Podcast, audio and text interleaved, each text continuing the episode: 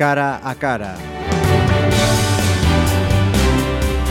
Saludos, eh, estamos ya con las mochilas ya puestas. Habrá padres que ya a estas alturas dirán, por fin, el comienzo del curso escolar. Yo no sé si esa misma frase la repite el invitado de esta semana del cara a cara, César Pérez Ares, jefe territorial de educación.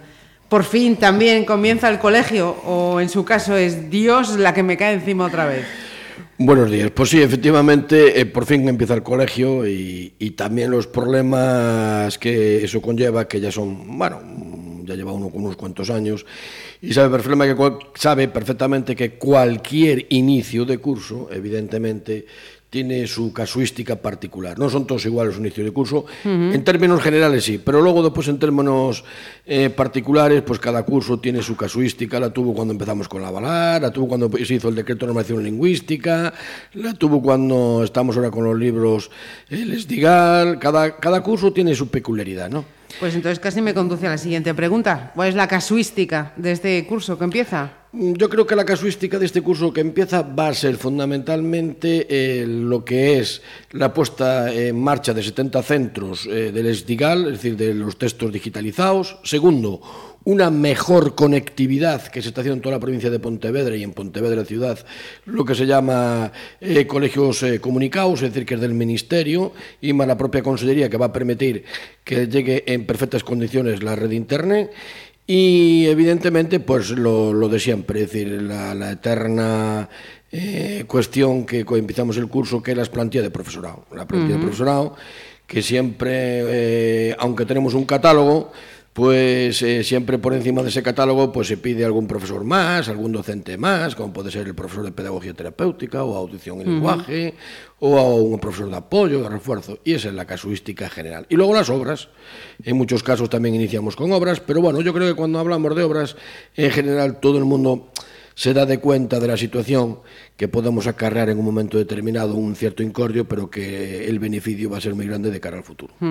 Eh, deteniéndome un poquito en, en esas casuísticas, eh, con el programa Esdigal eh, no va a pasar como pasó en un comienzo con el Avalar, ¿no? Que se hizo un reparto de, ese, de esa infraestructura, entre comillas, o material, pero que luego no se utilizó. Mm, no concuerdo contigo, perdóname.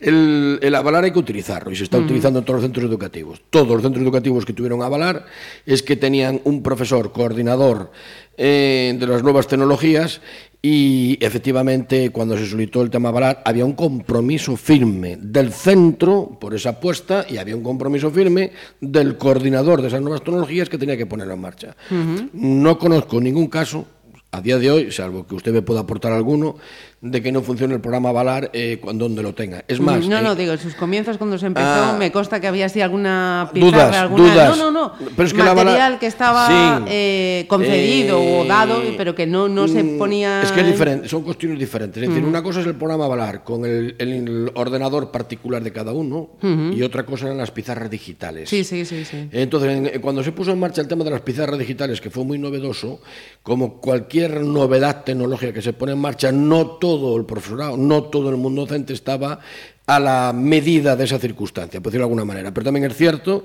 que a medida que fue pasando el tiempo, fueron eh, las nuevas tecnologías se fueron imponiendo, el profesorado se fue adaptando a ellas uh -huh. y, y, hoy a día, pues eh, te puedo decir claramente que nos están pidiendo continuamente de los centros que quedaran alguno, alguno que en un principio no lo habían adoptado porque no tenían el profesor coordinador, ahora piden pues que se incorpore el programa Avalar, porque fue muy interesante, cada día es mucho más, además en los avalares ahora nos permiten ponernos en red con las familias, te uh -huh. permiten ponerte en red con el alumnado, eh, es decir, este mundo ha cambiado tanto y ha cambiado en unos casos bien y en otros casos no tan bien, pero en el mundo de tecnología pues sabes que Internet tienes el mundo a tu alcance para lo bueno y para lo malo. Sí. Eso es lo grave. Pero ha permitido pues, que la gente se ponga en contacto y permite que, uh -huh. que efectivamente los padres pues, conozcan eh, podrán conocer o ya pueden conocer los horarios, el, la nota de examen, la evaluación, cómo ha ido y todo lo demás. Y eso uh -huh. es muy importante y muy interesante. Sí, facilita la comunicación ¿no? entre todas totalmente, las partes implicadas totalmente. en la comunidad Con lo cual escolar. ya nadie puede decir, es que yo no tengo tiempo de ir al colegio. No, bueno, pero seguramente para entrar a internet en tiempo. eh, hablando también de, de los eh, profes, eh, ¿por qué en Galicia, y es una de las críticas que hacen también los eh, sindicatos, son los peores remunerados de España? No, yo creo que no. Somos de la tabla media, de remuneración, la tabla media. ¿Tabla media? Sí, más o menos, andamos en, la media. Hay comunidades autónomas que efectivamente se cobran más. Yo creo que yo creo que en este momento de los que más cobran debe de ser Canarias. O sea, de los que más cobran debe ser Canarias, quizás por la insularidad. Eh, y de los que menos cobran, pues hay otras comunidades autónomas que cobran menos que nosotros. Yo creo que nosotros en este momento, hombre, yo apuesto para que la remuneración del, del docente sea la más digna posible. Eh, comparativa con otros países, por decirlo de alguna manera, eh, estamos a un cualquier nivel europeo, exactamente igual. Y con respecto al conjunto de España, pues salvo esas circunstancias de insulicidad y los demás, las diferencias son mínimas.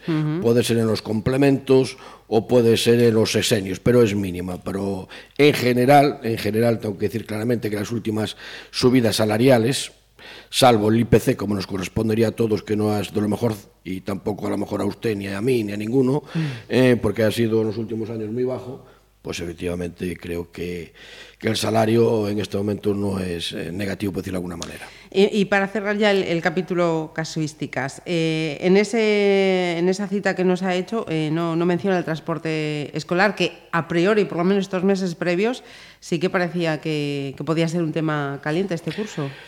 No, no lo menciono porque la provincia de Pontevedra es la menos afectada de las cuatro provincias en cuanto al tema del transporte escolar y la nueva disponibilidad de, lo que se llama movilidad, ¿no? Entonces, nosotros en la provincia de Pontevedra hasta el año 2019-2020 no van a, eh, a cerrarse los, los, lo que era los acuerdos que había con el tema del transporte, había unos convenios y por lo tanto nos afectan menos. A quien afecta más es la provincia de Lugo Orense, a nosotros bastante menos. Hay una zona, una franja que en estos momentos eh, ya hablé con, o sea, mantuvimos reuniones para coordinar con el Servicio Complementario de Transportes nuestro y el de Movilidad, que es la zona del condado Paradanta, que es la zona donde afecta, y yo creo que no debíamos tener problemas. De todas formas, vamos a ser prudentes, ¿no? Y también ahora que aprovecha el transporte escolar, tengo que decir, aunque no afecta aquí, por ejemplo, hoy nos imputan que no teníamos transporte escolar en Vigo y se lo sacamos. Eso no es cierto. Nosotros no tuvimos en esos tres colegios ningún transporte escolar. Por lo tanto, no puede decirse lo que no se tiene. No se quita lo que no había. Se podrá poner, pero quitarlo, si no lo había, no, no, no se quita. Eh, otra cosa, em, hablando de, centros, eh, lógicamente, como todos los años, pues hay que acometer obras, eh, mantenimiento, reparaciones, etcétera, etcétera, etcétera. Pero en cuanto a centros en sí, ahora mismo, a día de hoy, a comienzo de curso 2017-2018, em, ¿hay algún municipio que presente necesidad de, nuevos eh, centros, ya sea de infantil, de primaria, FP, eso? Sí. ¿O estamos...? No, no. Eh, y eso uniríamos con el tema que antes también me gustaría que comentara, a lo mejor lo comentáramos más adelante, que es el tema de la bajada de la natalidad y la importancia que puede tener.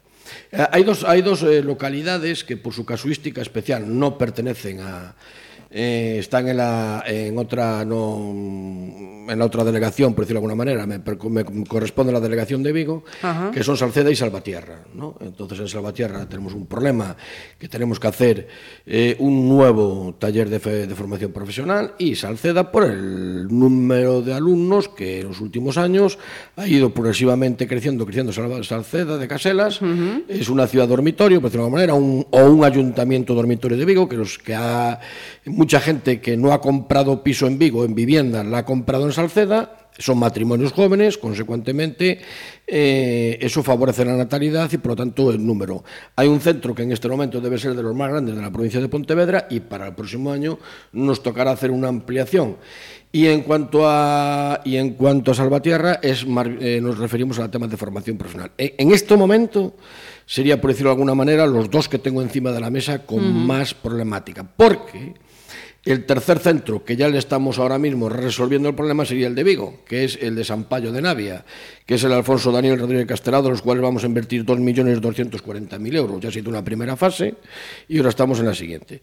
Porque en su momento, cuando se hizo ese centro, mmm, se hizo un línea 1 y un línea 1 para una zona de crecimiento como era Sampaio de Navia, eh, que, que está previsto hacer un número importante de vivienda de protección oficial se quedaba eh, prácticamente eh, obsoleto, es decir, no coge la gente. Entonces, una de mis preocupaciones fue hacer este centro de línea 3 para que en los próximos, eh, le puedo calcular, 40 o 50 años tengan un centro ya de referencia a la demanda de lo que puede ocurrir y no tengamos que andar con problemas de desplazamientos a otros centros. Ahora mismo están ya la primera fase acabada, que va a ser la educación infantil y a continuación ella también está la educación primaria. ¿Y, y en el caso contrario?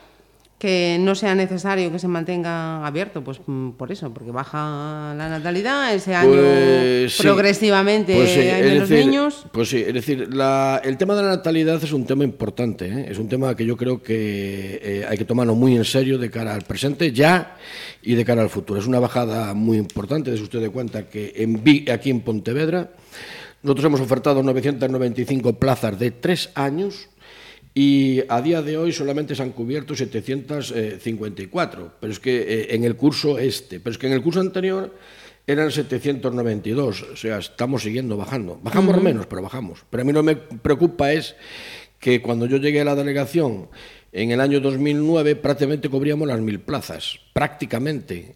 Hoy estamos hablando de 200 y pico menos. Es decir, eso es lo que me preocupa eh, y, esperemos que toque fondo. ¿no? Entonces ha sido una bajada espectacular de la natalidad en los últimos años. Esto es un problema de transversalidad, pero es cierto que donde primero lo notamos son los centros educativos de infantil, luego se traslada a primaria, luego se traslada a secundaria y supongo que el que tenga la opción de ir a la universidad pues se notará en la universidad y así sucesivamente. Eh, consecuentemente con ello, hombre, eh, este año hemos tenido que cerrar alguna escuela unitaria, eso es evidente porque no tenía los seis alumnos. Dentro de nuestra área de influencia, digo, Pontevedra, eh, Pontevedra. Bueno, la zona de Meaño, hemos tenido que cerrar entre Moedo, en fin. En lo que es aquí se mantienen los seis. Y luego unidades, aquí hemos mantenido todas las unidades. Yo creo que fue un acierto, por lo menos este año, haber hecho la zonificación en Pontevedra. Eso permitió que los periféricos, tuvieran acceso al abrir el margen de maniobrabilidad do que era la zona, permitió que se matriculara más gente, lo cual mantiene las unidades. No es que haya un crecimiento espectacular, pero bueno, es cierto de que esos centros periféricos, de perder alumnos a ganar algún alumno, pues ya es un éxito. Uh -huh. Y esperemos que lo sigan ganando en el futuro, ¿no? Y, y, eso ha permitido que mantuviéramos unidades, ¿no? Y entonces, bueno, pues yo estoy enormemente satisfecho, dentro de lo que cabe, Eh, naturalmente me gustaría que tuviéramos más alumnos, pero eh, las circunstancias son las que son. Sí, no, ahí la decisión es soberana, cada casa, no nos vamos a meter ahí. No, no, no, no. Por Dios. No quiero, entrar en, esa, en esa, no quiero entrar en esas lideiras, como suele decirse. eh, mira, eh, quería preguntar también. En este contexto, ¿no? En el que eh, no, no, hay por qué ir a la universidad. O sea, el, el, estudiar una carrera superior no es garantía de nada. De nada. Eso es algo que, que te lo dice la experiencia e invito aquí a quien venga y lo, y lo rebatimos. Mm. Y, y, en ese sentido también quería poner el acento en la importancia de, de la formación profesional, ¿no? Mm. Eh, me llamó la atención además que aquí en Pontevedra, eh, mirando al centro de, de Asunqueira, eh, creo, si, corríjame si no es así, eh, este curso pasado terminó en el caso de ciclo formativo de grado superior uno de integración social, que era la primera promoción, ¿no? Efectivamente. Eh, y sin embargo, eh, son ciclos que, mm, a mi juicio, pasan demasiado desapercibidos para la importancia que tienen para el alumnado y para su futuro laboral. Efectivamente, estoy totalmente de acuerdo contigo. Eh, la crisis económica, mm, si, me, si, quieres que busquemos un antecedente, porque siempre. La crisis económica ha cambiado los chips de la, de la gente joven y de, y de los padres. Eh, en mi época, eh, que yo tengo mis años, eh, mis padres buscaban por todos los medios que yo estudiara una carrera universitaria, y de hecho fue así. Hoy probablemente mucha gente ha cambiado ese chip, ¿no? Y el chip consiste en que a ver si te forma, formarse, buscar un trabajo, como suele decirse, eh, que te permita pues tu autonomía personal y todo demás. Y por eso ha sido el éxito ese cambio de chip de la formación profesional. Uh -huh. Hemos pasado de una formación profesional con unos niveles muy bajos, es cierto, hace años, a unos niveles hoy muy altos y de muchísima calidad.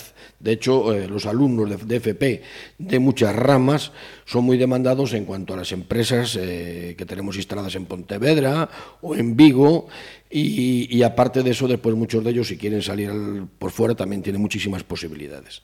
Eh, con respecto a lo que usted me acaba de decir, eh, hemos se ha abierto un número importante de ciclos formativos, entre ellos el de integración, el de promoción turística y todo demás, que son básicos. Pero como cualquier novedad, hasta que se vaya poniendo eh, en marcha y hasta que se vaya poniendo el tema de moda, por decirlo de alguna manera, porque estos son moda, porque a mí me llama mucho la atención y esto es una, no es ninguna casuística, pero es realidad es importantísimo el trabajo que hace muchas veces la televisión. No ves tú lo del Masterchef, lo que ha influido en las matrículas del Carlos Soroza. Y con esto todo lo demás. Entonces a veces son modas y la integración social no es ninguna moda porque va a ser el futuro. Desgraciadamente no es va a ser, No, este va a ser el futuro porque lo vivimos en nuestras familias y lo vivimos en muchos casos de que es fundamental que, haya los coordinadores y que esta gente va a trabajar efectivamente en muchos en, ayuntamientos y en otros lugares que van a tener que, incorporarse a esa vida y para mí es muy importante. Es un ciclo formativo que tenemos aquí en Pontevedra que ya está en la calle, esa primera eh, promoción y este curso también como novedad eh, se añade promoción de igualdad, que me parece también fundamental. Fundamental. Eso es para mí, vamos a ver, para mí eh, yo lo, he apostado muchas veces, lo he dicho, en donde tenía que decirlo en los foros educativos, que una de las maneras de, evitar muchos conflictos, eh, de evitar muchos conflictos es prevenirlo anteriormente. Y la prevención pasa por la educación, en educación. La integración social es uno, uno de ellos. Y segundo, lo que usted acaba de decir de este ciclo, en cuanto a temas de violencia de género y todo lo que estamos ahora viendo, todas estas circunstancias, puede ser fundamental. Y la tercera, la tercera es la educación social, el educador social. En Francia, en la última reforma educativa que se está, que se está eh, haciendo ahora, se han dado de cuenta, y nosotros también nos tenemos que dar de cuenta, de que en zonas y en barrios determinados donde la conflictividad es muy alta, este papel del bajar el número de alumnos por ratio y la intervención social del educador social y del integrador social es fundamental. ¿Por qué? Porque o hacemos una integración cultural realmente y educativa, o si no, eh, viviremos en mundos apartes. Pero si vivimos en mundos apartes, ocurrirá lo que desgraciadamente no queremos que ocurra. Eh, eh, quizá entonces eh, habría que, incidir más, hacer más labor de, difusión, de, promoción, porque claro, cuando uno está en, primaria o la educación obligatoria, o sea, es lo que es, se puede debatir si debería ir por aquí, debería ir por allá, pero cuando uno tiene que elegir, cuando tiene esas opciones, mi, mi, impresión es que quizá no todo el mundo sabe que tenemos esta oferta. Estoy hablando de Pontevedra, como me imagino que habla otros ciclos también en este sentido. En Pontevedra es la primera, somos los pioneros en integración social y en igualdad. Eh, yo creo que eh, es fundamental. Mm, a ver, em, también parte de la base de que a la gente le guste. O sea, tú eliges el ciclo que te guste, ¿no? Es un ciclo nuevo, es un ciclo que está impartiendo, es un ciclo que será demandado y cuando sea demandado, pues probablemente tendrá más aceptación, aunque ya la tiene hoy. Eh, eso para empezar. En segundo lugar, también yo creo que es muy importante eh, que luego eh, estas gentes que acaban se vayan integrando en los puestos que acabo de decir yo, ¿no? que vayamos mm. viendo las realidades sociales, que vayamos viendo la conflictividad que podemos tener en algunos centros. Ahora mismo, con el panorama actual, vamos, cualquiera que salga de estos dos ciclos, me parece que es mañana ponerse a trabajar. Fundamentales y súper necesarios. Para mí sí, yo te digo sinceramente que sí, independientemente de que efectivamente nosotros tenemos el plan, eh, tengo que decirlo, con la subdelegación del Gobierno, un plan eh, para con las fuerzas de seguridad del Estado, llámese Policía Nacional, llámese Guardia Civil, para hacer charlas en los centros educativos, sobre todo de secundaria, para la prevención de varias opciones que pueden elegirse, mm, bandas juveniles, el tema de violencia de género, el tema del mal uso de Internet, que lo hicimos en un colegio en Marcón, que fue un éxito, que fue el primer colegio que tuvo un carnet de buenas prácticas eh, de Internet, ¿no? En fin, todo esto ayuda a colaborar. Si no, somos, si no sensibilizamos a la sociedad, si no le creamos este dinamismo, pues la sociedad evidentemente pasa desapercibida, porque como te recibe tantas y tantos, recibimos tantos y tantos influencias de tantos y tantas eh, nuevas tecnologías, que muchas veces nos dispersamos en lo que realmente, nos, lo que realmente es importante. Y eh, quizá no, no, no, es posible tener ese dato, pero en cuanto a demanda de formación profesional y de, secundaria, ¿cómo andamos? Eh, bueno, es más bien de bachillerato, porque sí. aquí la clave se dedica entre tercero y cuarto. Ya, sí, eh, es mucho más Soy alta. todavía de la generación GB. Eres, eres, como yo, yo también estudié GB, ¿no? somos de la general del 70. Eh, efectivamente, es muy superior hoy la demanda de formación profesional sí. a bachillerato, sí, es muchísimo más, mucho, muchísimo más alta. Uh -huh. y, y, desde luego hay ciclos formativos como anatomía patológica, como puede ser informática, como puede ser eh, como todo lo demás, que tienen un número altísimo de, de, demanda y no somos capaces en muchos casos de presenciales, pues a distancia, de cubrir toda la demanda. Es, uh -huh. es muy alto. Yo, por ejemplo, ayer estuve en el Carlos, en el Manuel Antonio y hoy estaré en el Carlos Oroza y el Manuel Antonio está completo todos los ciclos, porque quedan muy poquitas plazas, eh, pero es que tiene un nivel muy alto. El nivel de odontología de prótesis dentales es un nivel muy alto. Le acabamos de instalar ahora unos talleres nuevos que por a, probablemente muchas clínicas privadas no lo tengan, que nos uh -huh. ha costado cerca de 60.000 euros sí, sí. a toda la sociedad, pero también queremos que esos alumnos que van a hacer allí, que van a estudiar protésico dental, tengan todos los medios para que cuando salgan puedan optar uh -huh. o ellos mismos eh, poner su, su clínica o bien eh, ir con las mejores condiciones a cualquier clínica de cualquier médico o estomatólogo, mm. vamos. Bueno, y el Carlos Oroza, ¿qué vamos a decir? Bueno, de veces. para mí el Carlos Oroza es el buque insignia de, de, lo que es la repostería, lo que es la restauración y lo que es el turismo, vamos, impresionante, ya ve usted. Ha sido una apuesta fuerte, yo estoy muy contento porque eh, necesitábamos hacer primero reformas también, porque se nos quedaba ya corto, lo hicimos. y a continuación, aparte de las reformas, el propio centro educativo y en este caso el equipo directivo, a quien tengo que felicitar, y a todo el claustro de profesores, pusieron, lo, pusieron todo para poner en marcha este proyecto educativo del Carlos Oroza, que para mí es una satisfacción, ¿no? que, que un centro de Pontevedra uh -huh. pues vaya a hacer el servicio de catering a los premios Príncipe de Asturias. Cuando usted, usted comprenderá que cuántos centros de España quisieran eh, pues presumir, presumir de haber ido ya los últimos tres años como uh -huh. invitados y desde luego con la garantía que le puedo decir a usted de la satisfacción que le supone pues a, a la gente de, de, ir al Carlos Oroza. Ya los echan de menos. pues eh, César Pérez Ares, eh, jefe territorial de Educación, seguro que habrá que... No preguntó por esto, no preguntó por lo... Habrá infinidad de cosas que se nos queden en el, en el tintero, pero que sea un buen inicio, que tengamos un curso tranquilo y muchas gracias por aceptar la invitación. Nada, muchas gracias a vosotros y nada, hasta lo que necesitéis y preciséis. Aquí estamos. ¿eh? Y buen inicio de curso para todo el profesorado, si me lo permite, mandar un saludo. Sí. A todos los docentes que, que ya empezaron el, el, viernes, el día primero, que están ahora ya haciendo su programación, a los alumnos que se van a incorporar, a los nuevos de tres años que se van a incorporar, uh -huh. con su pequeñita mochila, con sus lloros, con sus alegrías y todo demás, que es una de las cosas que a mí como docente siempre he hecho de menos. Uh -huh. Cuando empezaba el curso, ver entrar a los pequeños, unos llorando con las madres, no sé qué, eso era... Yo creo que lo pasan peor los padres que los niños. Sí, sí, por eso, por eso, por eso, lo pasa peor. Y a mí también me tocó vivirlo como padre. Sí. y, y, eso que venía, pero no había manera de sacarla de mi, de mi colo cuando entraba por el colegio. Y, pero bueno, esa es una cosa que la verdad, ¿eh? que después de tantos años uno mm. echa de menos. Echa, echa de menos el aula, habrá que volver.